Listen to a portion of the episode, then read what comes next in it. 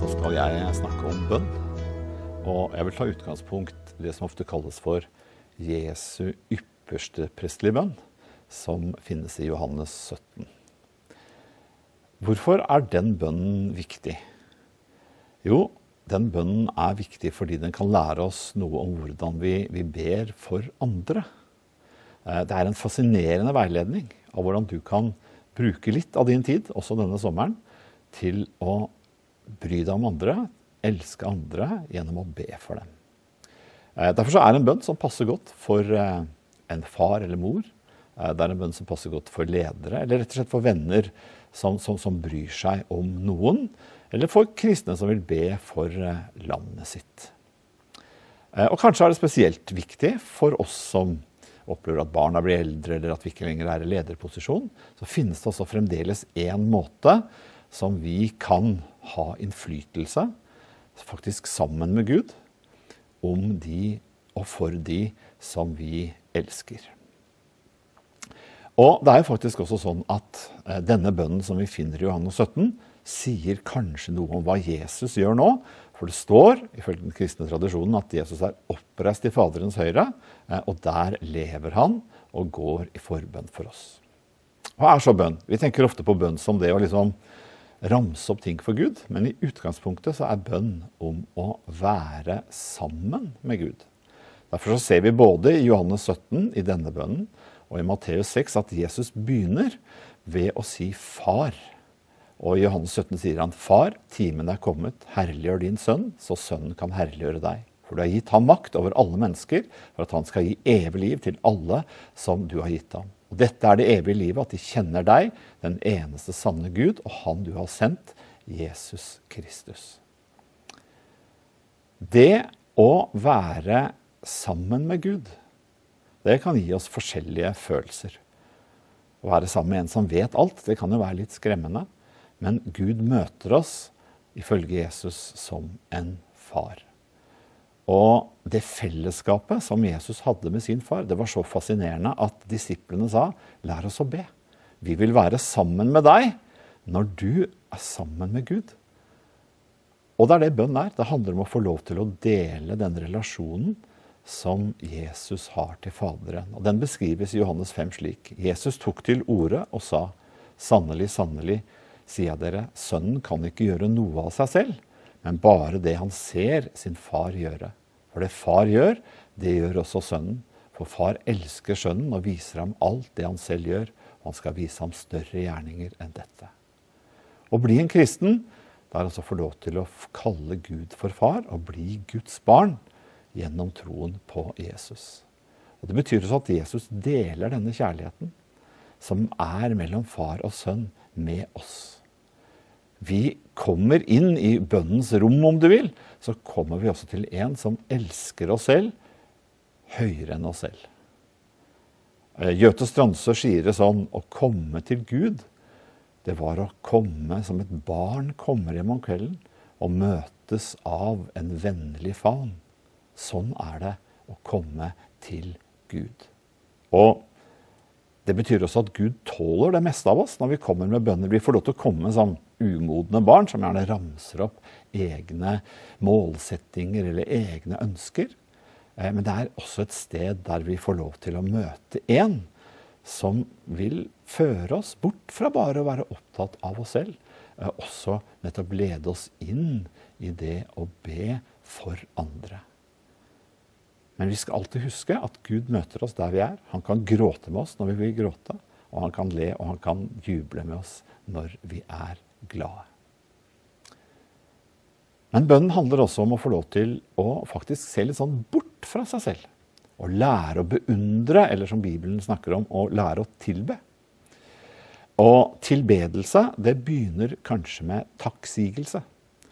I sommer når vi opplever både havets skjønnhet og fellets vidunderlige, fascinerende farger, så kan det kanskje være lurt å stoppe opp litt og så tenke og si takk. Eller det er noe annet i livet som betyr mest for oss. Ja, da har den takken og takknemligheten for livet har én riktig adresse, og det er Gud som skaper. Og Så kan vi også gå fra det å være takknemlig for livet til å begynne å fascineres ikke bare over gaven, men å bli fascinert av Han som har gitt gaven. Eh, han som har skapt hele universet. Vi kan stoppe opp, så kan vi vende oss på en måte bort fra oss selv eh, og gjøre det som englene gjør, nemlig de, de beundrer, de tilber og de takker Gud for hans storhet. Men i Johannes 17 så ser vi også at Gud har vist sin storhet på ett bestemt sted, nemlig personen Jesus Kristus. Han som var midtpunktet, han som på en måte var rockestjernen i, i englenes lovsang. Han valgte å bli menneske, valgte å identifisere seg med de som er nederst. Han ble et menneske som led en skamfull død, en smertefull død, som identifiserte seg med de som gjennom historien har blitt dømt uskyldig. Og Så sier Bibelen at det gjorde han for å vise oss Guds hjerte, hvem Gud er. Og for å snakke sant til oss om livet. Paulus sier det sånn at Gud sendte sin sønn for å dø på oss mens vi ennå var Guds fiender. Han ga sin sønn til oppgjør for at vi skulle få tilgivelse for våre synder. Og Hvis vi med hjertets øyne ser litt av hvem Jesus er, da skjønner vi at den som virkelig fortjener å få innflytelse i vårt liv. Selv om det kan være mange andre som kan gi oss gode råd. Den vi skulle beundre mest av alt, det er personen Jesus Kristus. Og dikteren Edin Holme han sier at den som han har sett, kan intet friste. Liten, lite synes siden alt han ser. Den som han har sett, kan allting miste han begjærer siden intet mer. Så bønn kan også være det stedet hvor vi ser bort fra bare våre behov og våre ønsker. Kanskje derfor også sammen over en åpen bibel leser i Bibelen og øver oss på å beundre det som virkelig er verdt å beundre. Men så leder også Gud oss videre inn til det som på mange måter er hjertet i, i denne talen. Nemlig at eh, vi kan få lov til også å be for andre. Det er jo sånn at vi kunne fort tenke at eh, det å be for andre, det er en måte å få min vilje i andres liv på. Og når jeg var ungdomspastor i denne kirka så, og fortalte at jeg i perioder ba ganske mye for ungdomsflokken, så, så, kom det en kamerat bort til meg og sa at eh, prøver du liksom å manipulere oss inn i det som er, er din vilje for oss?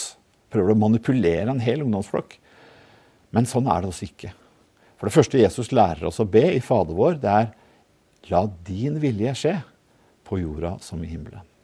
Jeg vet jo ikke hva som er best for mine barn. Jeg vet ikke hva som er best for mine venner. Jeg vet ikke hva som er best for denne kirka engang.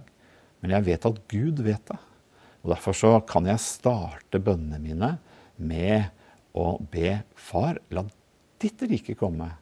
La din vilje skje på jorden som i himmelen.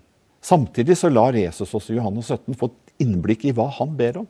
Han sier, 'Jeg blir ikke lenger i verden, men de er i verden, og jeg går til deg, Hellige Far. Bevar det med ditt navn, det navnet du har gitt meg, så de kan være ett, slik som vi er ett.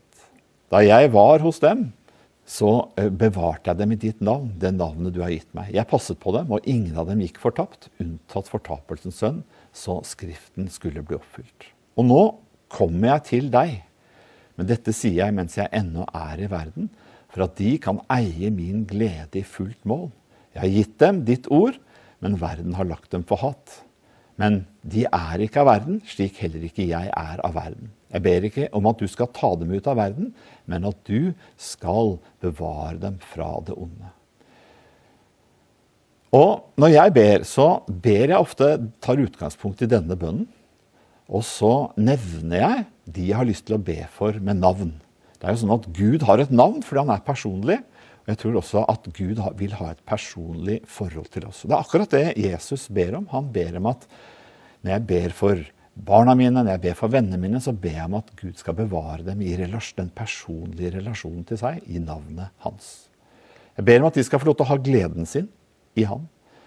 Eh, jeg ber om at de skal få lov til å leve i kjærlighet til andre mennesker, og selv oppleve kjærlighet fra andre.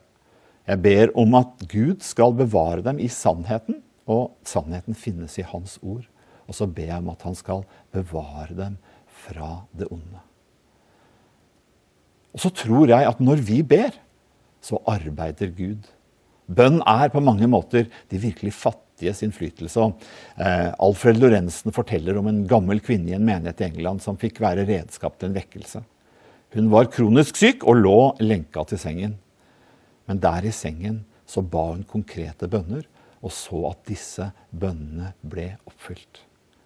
Så selv vi som kanskje ikke er så sterke og ressursrike at vi kan kalle oss influensere, vi kan få lov til å være med og gjøre det beste vi kan gjøre noe med den andre, nemlig å be om at Guds vilje skal skje i livet deres. At Guds vilje skal skje på jorden som i himmelen. Og så skjer det noe med oss når vi ber den bønnen. Etter at Jesus hadde bedt, så sier han 'Jeg helliger meg for dem, så også de skal helliges i sannheten'. Han sier med andre ord 'Jeg gir meg til dem'. Så Det betyr at vi etter å ha vært i bønnens rom, så går vi ut i hverdagen og gir oss til de vi har bedt for, og ønsker å tjene dem. Det betyr ikke at vi gir barna våre alt det de ber om, men vi ønsker å være der og tjene dem og gi dem det som er til beste for dem. Og Derfor blir også bønnen noe som forvandler oss. Eh, og Ken Blanchard har sagt at livets reise det handler om å bevege seg fra et selvtjenende hjerte til et hjerte som tjener andre. Det å gå fra å være et barn som bare ber for seg selv, til en som ønsker å være der og gi noe til andre. Og det lærer vi i Jesu ypperste prestelige bønn. Derfor har jeg lyst til å be en bønn for deg som har hørt på dette, og be akkurat noe av det som Jesus lærte oss å be.